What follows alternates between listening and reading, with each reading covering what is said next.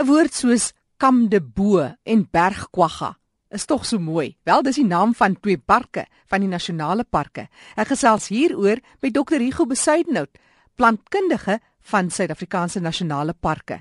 Vertel ons, dit was 'n besondere reenseisoen vir die parke, Hugo. Ja, Jackie, ek mens is maar altyd bekommerd want in sekere dele was daar baie swak reënval, maar in hierdie geval het die Karoo parke, veral die Bergkwagga en Kamdebo het albei redelike goeie reënval gekry hierdie jaar en hulle hulle lyk baie mooi. Ons het um, in Bergkwagga het hulle nou leeu's ook ingebring en hulle het nou mos die jagluiperds ook wat daar is. Mm. So, hulle is ook daar besig.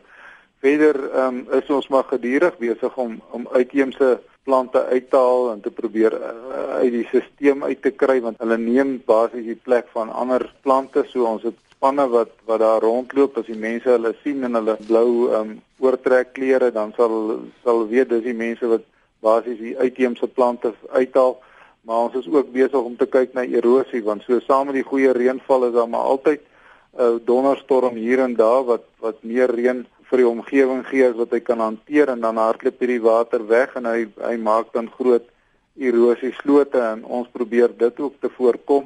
Ons weet dat erosie deel is van die natuurlike stelsel, maar as dit op pad byvoorbeeld op 'n pad val en hy loop af met die pad, dan beskou ons dit as onnatuurlik en ons probeer dit dan regte maak sodat ons nie onnodig uh, groot dongas in in slote het nie.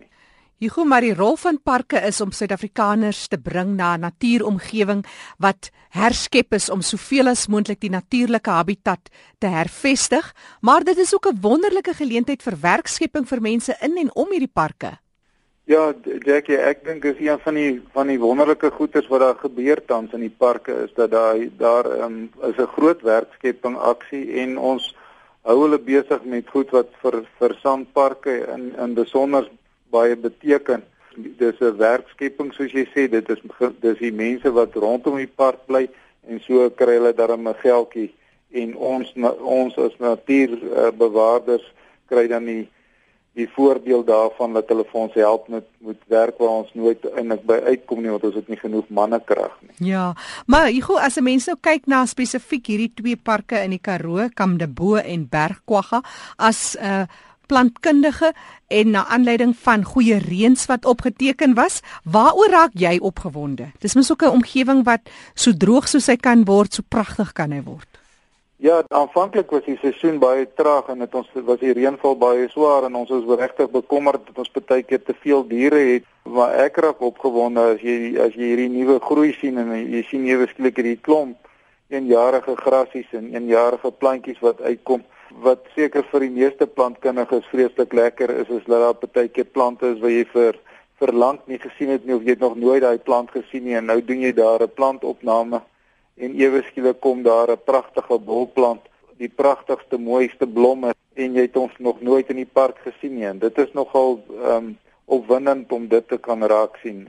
Behalwe nou soos ek sê die groen skynsel is altyd baie lekker en daai reuk van van nat en klam grond is baie lekker, maar maar hierdie plante wat wat vir jare daar dormant lê en dan ewe skielik as gevolg van die regte tyd wat hy reënval kry en die regte temperatuur sien jy ewe skielik hierdie pragtige plant wat nou hier volop vol staan. Partykeer kom daar so 100, 200 bolplante sommer in so een kol op en vir jare was daar geen teken van hierdie bolplant nie. En dit is nogal opwindend vir my. In die Kalahari kan ek wel vir jou sê waar ons jare lank gery het, seker vir 10, 15 jaar op dieselfde roete en daar het niks gebeur. En toe hmm. een jaar toe ons daar verbyry, toe daar ewe skielik net hierdie pragtige wit lelie wat so 'n meter opstaan met 'n pragtige mooi wit blom en uh, dit was ongelooflik om ewe skielik hier te ry en hier sien jy net hierdie bolplant oh. Wat nou ewe skielik blom. En, en die ding is eh, van baie van hierdie plantjies hulle is basies daar vir 2 3 dae partykeer. Hulle is partykeer baie vinnig dat hulle deur hulle lewensiklus gaan. En partykeer baie keer blom hulle eerste. So jy hulle het geen blare nie. Hulle stoot eers hulle blomsteel uit en hulle blom gooi hulle saad af en dan kom hulle met hulle blare uit. So hulle gebruik hulle energie fantasties. Daar's baie plante wat aangepas is en hy, en hy kan vir jare onder die grond bly sodat jy nie weet van hom nie. En ons kan nie altyd sien nie. Ek dink ons sien maar omtrent 30-40% op die oppervlakte. Onder die grond is daar 'n hele hele wêreld wat ons baie keer nie eens van weet nie.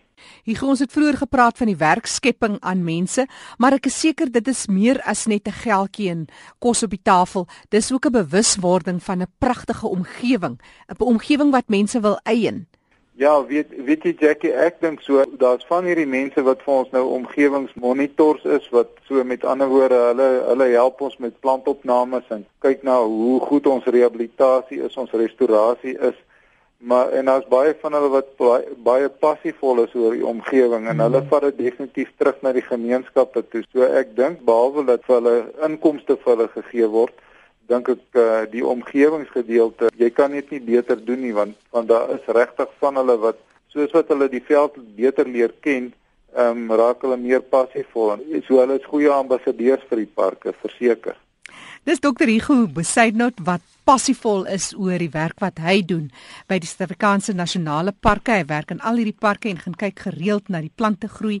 Hy is 'n spesialis plantkundige. Hugo, vir mense wat meer wil gaan lees, dis seker maar uh, Sanparks se webtuiste wat ons kan gaan kyk. Ja, Jackie, ek dink Sanparks doen op hierdie stadium 'n goeie werk hier dat hulle 'n goeie webtuiste het. Die mense kan daar gaan kyk. Um, ek dink baie van die parke het ook toeriste gidse wat mense kan koop. Ek weet die, die Namakwa en ehm um, Bukala het nou 'n nuwe toeriste gids wat hulle op die tafel gebring het. Ograbies en as hersien Kalahari het ene en ehm um, Rigtersveld het ene, Addo het ene. So ja, daar is goeders uh, nog bykomende leesstof wat die mense kan aankoop. Ek seker as mense by hoofkantore sal mense ook van daai toeriste gidse kan in die hande kry.